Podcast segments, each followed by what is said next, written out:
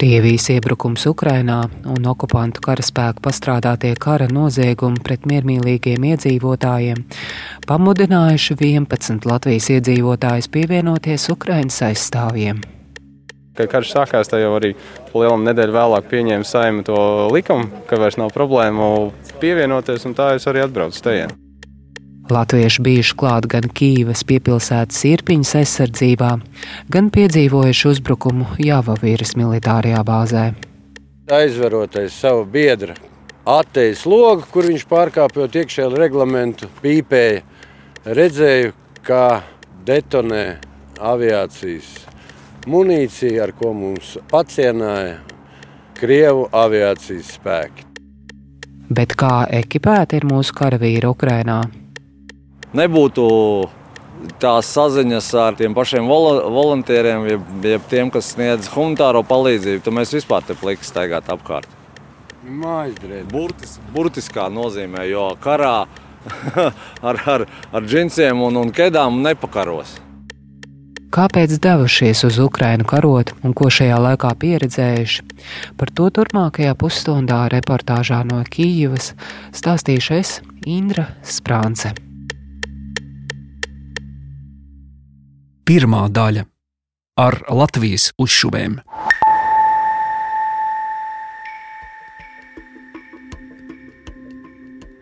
Labdien! Sveiki! Kā jūs saucat, vai jūsu iesauka, kā jūs vēlaties? Leitis šeit mani sauc. Cik jūs Esmu ir? no Rīgas, 51 gads. Un kādēļ esat šeit? Tāpēc, ka man netīk, ka nogalina neapbruņots cilvēks. Karo ar civiliedzīvotājiem, kuri nav atbruņoti sievietēm, bērniem un sirmgalviem. Un kā arī vīriešiem noteikti arī, kad, kuri nav bruņoti, respektīvi tas nesaistās ne ar vienu no kara likumiem. Ar Leiti un vēl trīs latviešu karavīriem, kas pievienojušies Ukraiņas brīvprātīgo karavīru bataljonam, tiekos aprīļa sākumā Kīvā. Ir 40. diena kopš Krievijas iebrukuma Ukrainā. Interviju esmu norunājis Maidana laukumā, Kīvas sirdī. Labdien! Es esmu Vēns Rāviņš no Bauskas novada. Esmu šeit, jo nepiekrītu Krievijas federācijas pozīcijai attiecībā uz Ukrajinu. 21. gadsimts, pat cik ir viss konflikts, var risināt savādāk, nevis slepkavojot bērnus, sievietes, bombardējot slimnīcas un tā tālāk. Vēntam ir 40 gadi. Es esmu Gunārs Kalve, 51 gads man ir. Un ierados pirmajās kara dienās, un jā, gribu palīdzēt Ukraiņu tautai tikt galā ar lielāko pasaules uh, slepkavu Krievu okupantiem. Gunārs ir no Jēkabils puses. Lauksaimnieks, ģimenes cilvēks, patriots. Viņš saka, Labdien! Labdien! Esmu Jenots, Latvijas vienības kareivis. Esmu no Rīgas, Grīziņkalna. Cīnos šeit kopā ar biedriem par to, lai mainītu pasaules kārtību. Cik ilgi jau jūs esat šeit? Šeit es esmu jau 21 dienu. Un paliksiet cik ilgi? Līdz uzvarai! Dienā, kad notiek šī intervija, Vēns Ukrainā atrodas nedēļu un plāno palikt līdz uzvarai pār Krieviju. Leitis te ir aptuveni divas nedēļas, bet cik ilgi paliks, atturas minēt. Savukārt Gundars Ukrainā atrodas kopš 27. februāra. Viņš turpina. Palikšu visticamāk līdz pirmiem pamieram, tad došos uz mājām, sakārtot saimniecības lietas, tikties ar sev tuviem cilvēkiem un pie pirmās vajadzības atgriezīšos atkal uz karstiem punktiem Ukrajinā. Mūsu tikšanās laikā visiem četriem karavīriem ir ieroči un bruņu vestes. Apģērbs gan atšķiras. Viens vīrs džinsās, pārējie ērtākās biksēs. Interesējos, kāda ir situācija ar ekipējumu. Turpina Gundars un Jenots. Jā, nu ieradāmies mēs tādām drēbītēm, kādi atbraucām no mājām. Apģērbti mēs tikām mūsu bataljonā, kas ir Karpačs, nedaudz labāk, bet arī nepilnā komplektācijā. Bruņu vestes mēs dabūjām pēdējā dienā, izbraucot jau uz pozīcijām uz Irpiņu no latviešu volontieriem, kuri tieši tajā dienā veda palīdzības kravu uz Ukrajinu. Bruņu cepuru mums joprojām nav. Esam runājuši arī ar aizsardzības ministriju, ar dažādām struktūrām Latvijā, oficiālajām. Tās mums, diemžēl, nav bijušas spējīgas palīdzēt. Tādēļ gaidām atkal volantieru ieguldījumu mūsu drošībā, un ķiverēm būtu jābūt nākamā nedēļa uz otro pusi klāt. Vai tas ir līdzīgi visiem jums pārējiem? Jā, mēs pirms došanās uz pirmajām līnijām ar labu cilvēku palīdzību nokomplektējam tā, ka lai mūsu drošība pasīvā būtu pēc mūsu saprašanas un uh, nokomplektēta. Tagad pirmais un galvenais mūsu sāpju punkts ir, ja ienaidnieks pielietos ķīmiskos ieročus. Mēs lūgtu gāzmaskas un medicīnu, lai kara mediķi dod padomu volontieriem, lai nodrošina mūs ar antivielām un individuālajiem aizsardzības līdzekļiem vismaz uz pēc padomu armijas standartiem vismaz uz tām divām pirmajām stundām. Vaicāja, vai nav rūkumu par ekipējumu nesamību. Lētis saka, ka nē, tas ir normāli. Viņš turpina. Un par cik valsts mums deva tikai zaļo gaismu, lai mēs vispār te varētu būt. Un, uh, no manas personīgās pieredzes sarunā ar rekrutēšanas centru, NBS un, un to pašu mm, rezervistu pulciņu, jeb nodaļu. Ja, tad atbalsts nemaz arī nebija ko gaidīt. Es principā arī nemaz nelūdzu, bet nu, attieksme bija tāda, ko tu no manis vēlies. Gribu braukt, negribu nebraukt, zaļā gaisma iedot, tālāk pats savā solā vāries. Un eh, pievienošos kolēģiem eh, par to, ka eh, nebūtu tās saziņas ar tiem pašiem volontieriem, jeb, jeb tiem, kas sniedz humanitāro palīdzību, tad mēs vispār te pliki staigāt apkārt. Mājdrēbi. Burtis, burtiskā nozīmē, jo karā ar, ar, ar džinsiem un, un kedām nepakaros. Sakiet, varbūt varat kādiem, kādam īpaši pateikt paldies, nezinu, kādu no volontieriem. Jā, pirmā palīdzība ienāca mums no Jēkabils ar termovizoriem, ar nakts redzamības iekārtām. Tur paldies Vilnim, Ingum, vēl veselai virknei Jēkabils pamatā uzņēmēju. Nākamā palīdzības krava nāca no Ingūna Rīgas, un šīs bruņu vestes ir no viņa gādātas. Faktiski pat negādāts, bet mēs samainījām pret eh, vienu mikroautobusu. Šīs piecas vestes ir vērtas viena eh, mikroautobusu cenā. Tas bija jūsu eh, mikroautobus. Tas bija Ingūna gādāts mikroautobus, kuru viņš samainīja pret piecām bruņu vestēm, lai dodoties uz Irpiņu, mēs neaizietu pliki, bet ar šīm bruņu vestēm tērpti.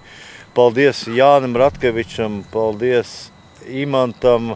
Varbūt uzvārdus nesaukšu, lai nereklamētu pārāk, pārāk konkrētas teiksim, partijas vai, vai, vai virziens, kas mūs atbalsta. Tad, tad palīdzība, paldies Alī noteikti. Alī atveda mums pirmās divas mašīnas uz Gruzīnu leģionu. Brīvprātīgie vāci. Es ar viņu atbraucu uz šejienu, kad man pirmo reizi atmet atpakaļ poļu robiņu. 04. pase. bija beigusies vai ne? Nu, viņas nebija vispār. Tā kā sajūta ir tāda, ka tiešām pēc barikāžu laikiem ir nākamā reize, kad visa latviešu nācija ir sadūrusies rokās, bet kopā jau ar Ukrāņu tautu un palīdz tiešām daudz cilvēku. Tie ir simti un tūkstoši, un ko mēs redzam arī internetā, nāk gan medicīna, gan apģērbi, gan uzkabes dažādas. Nu, tad paldies visai latviešu tautai! Ieročus gan Ukrāņi iedevuši. Turpina Lētis. Jā, ieročus mēs saņēmām Karapaskijas siču un pietiekami ātri, cik te draugi bija jau ilgāk diži līdz tam brīdim. Nu, respektīvi, viņi bija pliki, bez ieročiem. Un šajā situācijā, lai kur mēs arī atrastos šajā valstī, lai cilvēki saprotu, ka karš tas nenozīmē, ja tā fronts līnija ir desmitiem kilometru projām Tas nenozīmē, ka viņš šeit nenotiek. Tikai nedaudz savādākā izpausmē. Un stobrus karavīram tas, man liekas, ir galvenais. Lai varētu aizstāvēt to pašu brīvību, tos pašus neaizsargātos cilvēkus. Visi četri vīri ar ieročiem ir uz to. Lētis pamatus militārajā jomā apgūs zemesardzes speciālo uzdevumu vienībā Vanaks. Es esmu militārā jomā no 93. gada. Mednieks jau 40 gadus. Ar ieroci pazīstams. Nu, mana pieredze sākās okupācijas armijā. 89. gadā es tiku iesaukts Krievijas armijā, divi gadi nodienē līdz 91. gada rudenim. Reiz 91. gada rudenī iestājos zemesardzē. Pirmie pieci gadi bija profesionālais dienas, un līdz šim brīdim, kā tuvākā rezervē, esmu zemesardzē. Kopā visi četri latvieši brīvprātīgo bataljonā Karpatskais Sičs ir salīdzinoši nesen. Turpina Gundars. Es sāku savukārt savu dienestu Grūzīnu bataljonā 28. februāra rītā un turpināju šajā bataljonā mēnesi, gan arī precīzi, varbūt kādu dienu ilgāk. Taču šajā bataljonā uz frontes pirmajām līnijām nesot laists, līdzīgi kā daudz citi ārvalstnieki. Vajadzēja izšķirties, vai nu mēs gaidām ar solījumu rītu vai parīt tikt no Grūzīnas bataljona priekšā, vai meklēt pašiem savu ceļu. Un tad mēs aizbraucām uz brīvprātīgo bataljonu Bratstva, kuru uzklausot mūsu pieredzes stāstus, mēs devāmies 15 vai 16 cilvēki, starptautiskie spēki, ja tā varētu teikt. Un viss mūsu labprāt arī pieņēma, bet tieši sakritības dēļ tajā naktī pienāca zvans no Karpatskas Sīča vienības, ka tiek veidota latviešu nodaļa. Un tajā brīdī mēs sapratām, ka tā ir unikāla iespēja tālu prom no mājām veidot tiešām kompaktu latviešu vienību. Zemes svešas armijas šajā gadījumā karogiem, bet ar Latvijas uzšuvēm uz, uz piedurknēm. Jūs redzat, ja visiem mums ir Latvijas karodziņi, gan militārie, gan arī uzšuvītas. Gundars brīvprātīgo bataljonā Karpatskais Sičs atrodas jau divas nedēļas un ir apmierināts. Pirmajā dienā jau mēs nonācām pie ieročiem un uzreiz tikām aizsūtīti uz Irpiņu. Nu, tur nodzīvojām Irpiņā un Romanovkā, kas ir piepilsēta Irpiņai četras diennaktis, strādājām savus uzdevumus, ko mums deva komandieri. Bija interesanti, jā, pietiekoši riskanti arī, bet nu, tāda lieta, ka tas risks mums kā adrenalīnam arī nepieciešams karavīram. Irpiņa ir neliela pilsēta Kīivas pievārtē, kur notika sīvas cīņas ar okupantiem. Pilnībā Irpiņu Krievijas karaspēkam tā arī neizdevās ieņemt, taču pilsēta cieta smagus zaudējumus. Nopostītas mājas, bojā gājuši civilie iedzīvotāji. Otra daļa - izglābšanās Javovirā. Breaking news on the war front this morning Russia has escalated this war in a major way, conducting missile strikes overnight, targeting a base that is 12 miles from Ukraine's border with the NATO ally Poland. Tas bija agrs svētdienas rīts 13. martā, kad debesis virs Jābavīras militārā mācību centra Ukrainas polijas pierobežā iekrāsojās sarkanā krāsā. Krievijas karaspēks uzbruka mācību centram, raidot uz to vismaz 30 raķetes. Overnight, at least 35 people were killed, 134 injured in western Ukraine near the NATO border. Torīt Jābavīras mācību centrā atradās arī Janots. Un tad pienāca rīts, 4, 45, un es aizveroties savu biedru attejas logu, kur viņš pārkāpjot iekšēju reglamentu, pīpēja. Redzēju, kā detonē aviācijas munīcija, ar ko mums pacienāja Krievu aviācijas spēki. Neviens nesot bijis gatavs šādam iespējamam pavērsienam. Mēdījos vēlāk tika ziņots, ka uzbrukumā Javaviras militārajam poligonam bojā gājuši vismaz 35 cilvēki, bet vairāk nekā 130 ievainoti. Un tie mūsu biedri, kas gaisa trauksmes un gaisa uzdevuma brīdī zaudēja savaldību, tie mežā atradās vienā apakšveļā vai nakts drēbēs, ko mēs mājās saucam par pidžamām tika visi saģērbti, pabaroti, un tie, kas vēlējās, tika arī nodrošināti ar munīciju. Jo mācību centra teritorijā mēs bijām apbruņoti, bet bez munīcijas. Jūs pieminējāt noziedzību. Mēs patvaļīgi uzlauzām ieroču krātuvus, patvaļīgi sevi apgādājam amunīciju. Jenots uzskata, ka militārās bāzes vadības lēmumi tur esošajiem karavīriem nedod patronus ieročiem, tādējādi faktiski liedzot reālas aizstāvības iespējas, bijuši neprofesionāli un pat noziedzīgi. Kas tieši nogāja greizi? Kāpēc no jums no tās militārās vadības nebija? Kas... Militārā vadība no pašas augšas līdz pašam, pašai apakšai bija pārliecināta, ka Krievijas puse neuzdrošināsies veikt nekādas darbības pret mums, jo mēs atrodamies pārāk tuvu NATO valstī, Polijai.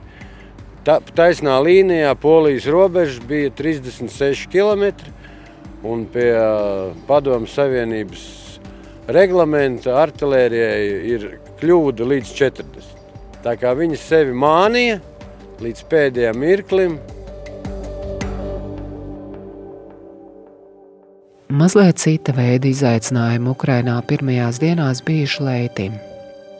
Viņš uz Kijivu devies kopā vēl ar vienu citu latvieti ar iesauku Ņuhus. Mēs atbraucām ar autostopiem. Principā mums atbalstīja pulkvedis Javovirā, precīzāk Ļuvovā no Nacionālās gvardes. Viņš mums sagādāja riteņus ar diviem bailīgiem līdzbraucējiem, it kā sargiem. Ja? Tuvojoties Kijavai pēc pirmā uzplauksmējuma gaisā, tad mums bija, mums nē, viņiem bija dezorgs. Viņi mēģināja mūs nofraktēt katram blokpostam. un paskaties uz mums, un paskaties uz mums, mums nemaz nebija jādod atbildi. Viņi atmetājas ar rokām, ka mums tos trakos nevajag. Ierodoties Kijavā, viņi mūs sagaidīja jau ar uzlidojumu, respektīvi ar sirēnām. Un ieradāmies mēs komandas stundas laikā. Man pirmā sastapšanās pēc ilgiem laikiem bija ar PKM, kurš skatījās man ģīmiju. Un kolēģi ņūku, kurš, kurš bļāva friendly, friendly. Es saku, nebauro, tev tāpat neviens nezina. Jo uz mums skatās stobru blokpostā komandas stundas laikā. Tur mēs nodzīvojāmies līdz sa sagaidījām saulēktu. Atbrauc policija, policijas jau iecirknī. Katram bija interesi par mūsu klātbūtni, nu, kādā sakarā mēs tā esam. Valodas barjeri pirmkārt, otrkārt aizdomu pamats, ka nav tikai kaut kādi razbainieki. Man bija trīs somas iespaidīgas. Viņam viena iespaidīga somais, kur viņi paši neredzēja. Nu, respektīvi, vēl pāris stundas iecirknī, un tad jau mūs arī nogādāja līdz vietai, kur mums bija tikšanās vieta. Bet cilvēks tikai tam dēļ, kad bija komandas stunda, viņš nevar pārvietoties. Kīvā sākotnēji pabijuši Nacionālajā gvardē, kur palīdzējuši citiem karavīriem iegūt militārās pamatzināšanas. Tā mēs tur arī strādājām, līdz mums atrada latvieši. To bija Latvijas jēnots, atbrauc mums pakaļ un, kā saka, saliedēja mūs. Gunārs Lētis, Bērns un Jēnots tagad brīvprātīgo bataljonā Karpatskais Sičs turas kopā. Viņu nodaļai pievienojies arī viens lietuvietis. Visus četrus latviešus esmu noķērusi pēdējā dienā, kad viņi atrodas Kīvā. Tā kā Krievijas karaspēks ir atkāpies no galvaspilsētas pievārtes, arī Ukraiņu karaspēks tiek pārdislocēts.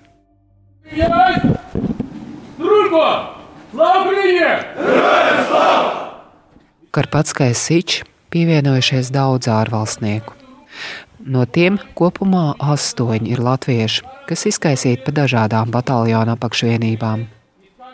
Uz vietas man izdodas sastapt vēl trīs latviešus jau pieminēto Leiša ceļa biedru Ņuhu, kurš gan nevēlas sniegt interviju, un divus jūrus. Viens no viņiem ir politiķis no konservatīvo partijas Juris Jurašs. Izsmeļot visas tās iespējas, kas bija Latvijā, sajūta ir bijusi tāda, ka neesmu izdarījis visu, ko es būtu varējis izdarīt. Un šis iekšējais nemieris un, un sajūta, ka gribu vēl kaut kā savādāk palīdzēt. Faktiski bija tas dzinulis, kas man pamudināja doties šeit. Šobrīd man ir sajūta, ka es esmu šeit vajadzīgs, es esmu atradzis savu vietu, savu pielietojumu un varu dot kaut kādu reālu pienesumu, lai mēs pēc iespējas ātrāk tiktu galā ar, ar ienaidnieku. Šī intervija notiek bataljona telpās, Vienā no tām Jurim iekārtots savs galds. Pie sienas liels Latvijas karoks. Karpatskais sičs Juris dara visu, ko komandieris uzdod. Lietā tiek liktas tās pašas zināšanas, kas daudzus gadus pielietotas korupcijas novēršanas un apkarošanas birojā, plānojot un koordinējot dažādu uzdevumu izpildi. Daru ļoti daudz lietas, sākot uh, no tā, ka esmu izlūkgrupas viens no locekļiem, no karavīriem. Plānojam, īstenojam dažādas operācijas, paralēli tam visam nodarbojos ar daudz dažādiem organizatorisku raksturu jautājumiem. Esmu atbildīgs par ārzemnieku struktūru vienības izveidošanu. Esmu atbildīgs par daudziem dažādiem sagādes jautājumiem, kas ir nepieciešams mūsu bataljonam. Piemēram, šobrīd bataljons aktīvi strādā, lai stiprinātu savus kaujas spējas ar droniem, kurus varētu izmantot nevien izlūkošanas vajadzībām, bet arī citiem taktiskiem uzdevumiem. Ukrainā Juris atrodas kopš 7. marta.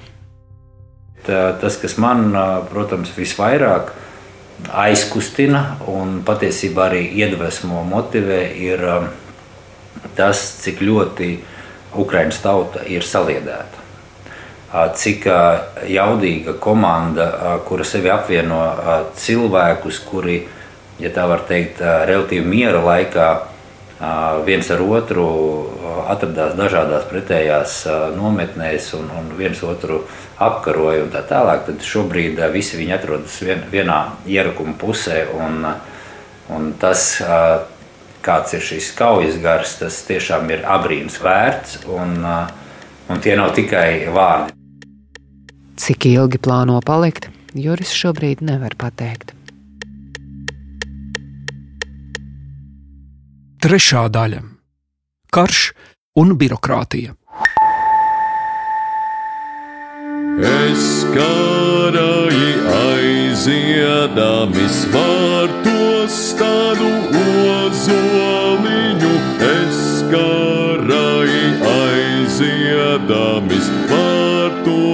tādu ozoliņu. Ir darba dienas vidus, bataljona pagalmā valda liela rosība.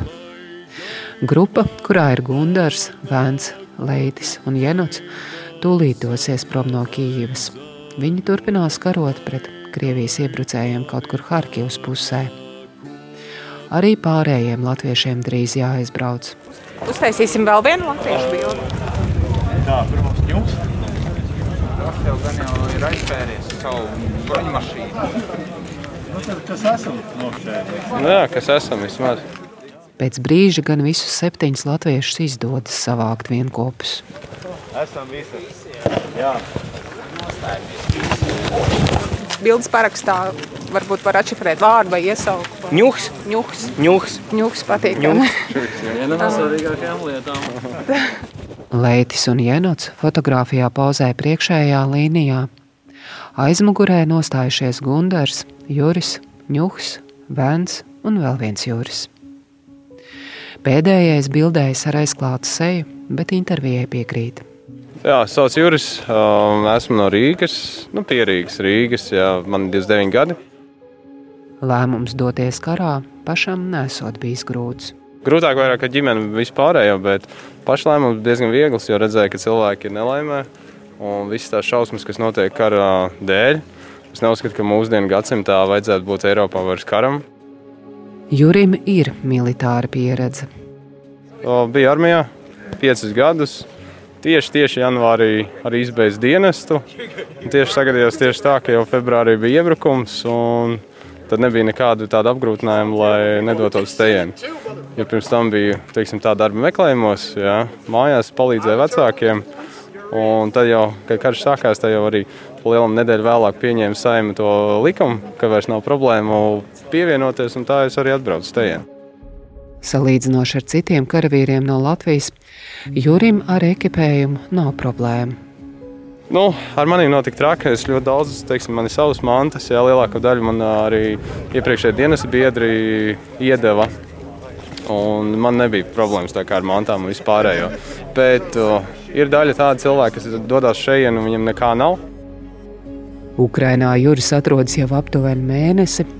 Šajā laikā visspilgtākās emocijas raisīs tas, kā Ukrāņi uzņem ārvalstniekus. Šāva mani, dora mani, es neniekā nebēdāju. Gatavojot šo raidījumu, uzrunāju vēl vienu man zināmu latvieti, kas pievienojies Ukraiņas aizstāvjiem. Drošības apsvērumu pēc viņš šobrīd interviju sniegt atteicās, solīja, ka runās pēc kara. Izportavi šāvu miņi, nolustavi durāmie. Šī raidījuma sagatavošanas laikā neviens no karavīriem nekritizēja valsts iestādes par atbalsta trūkumu. Katrs pats izlēma doties palīdzīgā Ukraiņiem. Tomēr man pašai radās jautājums, kāpēc aizsardzības ministrija tomēr nevarēja sagādāt atbilstošu ekipējumu vīriem no Latvijas, kas devušies palīdzīgā Ukraiņiem. Vai tiešām nekāda nevarēja sagādāt pāris ķiveres puišiem, kas plecu pie pleca stāvējuši īrpiņas aizsardzībā, bet tagad karo kaut kur pie Harkivas? Lūk, aizsardzības ministrijas militāra publisko attiecību departamenta direktora Kaspara Galkina atbildes. Mēs to darām centralizēti. Šis arī ir bijis absolūti skaidrs uzstādījums no Ukraiņas puses. Mēs attiecīgi organizējam šo ekipējumu nodošanu. Un pēc tam jau Ukraiņas armija ir tā, kurā jau attiecīgi jau šo ekipējumu izdala pēc saviem ieskatiem. Galkins neatbild uz jautājumu, cik ķiveres ir piegādājuši Ukrainai, taču norāda, ka kopējais Latvijas atbalsts letālā un neletālā aprīkojuma ziņā pārreikinot naudā pārsniedz 200 miljonus eiro. Interesējos tomēr, vai nevarētu pārskatīt šo kārtību tā, lai Latvijas karavīrus, kas dodas uz Ukrajinu, vismaz minimālā apmērā ekipētu, viņiem nebūtu jāiet kaujās kedās, džinsās un bez ķiverēm. Atbilde ir noraidoša. Jā, es saprotu, ka es to eh, šobrīd izklausīšos ārkārtīgi birokrātisks, bet kas attiecās uz ekipējumu, kas arī tiek izsniegts Latvijas bruņotajiem spēkiem, karavīriem, kas tiek izsniegts zemesardzē. Ja, tad viss šis ekipējums, kas tiek izsniegts, jebkurš ja tā ekipējuma saņēmējs uzņemās par šo atbildību. Tieši tādēļ arī mēs arī ārkārtīgi rūpīgi ar šo ekipējumu strādājam arī ar Ukraiņas pusi. Jo ķivere ir militāra rakstura prece, kurš tāpatās kā piemēram arī bruņu veste. Un, mēs pat neesam tiesīgi izsniegt konkrēti personai šādu ekipējumu, ja viņš dodas uz Ukrajinu un ir Ukraiņas aizsardzības spēkos iesaistās. Ar Dieva palīdzību visam gribu cauri tikt. Raidījumu Kīvā veidoja Indra Sprānce, bet tam Rīgā palīdzēja tapt Filips Lastovskis un Reinis Budze. Atvērtie faili!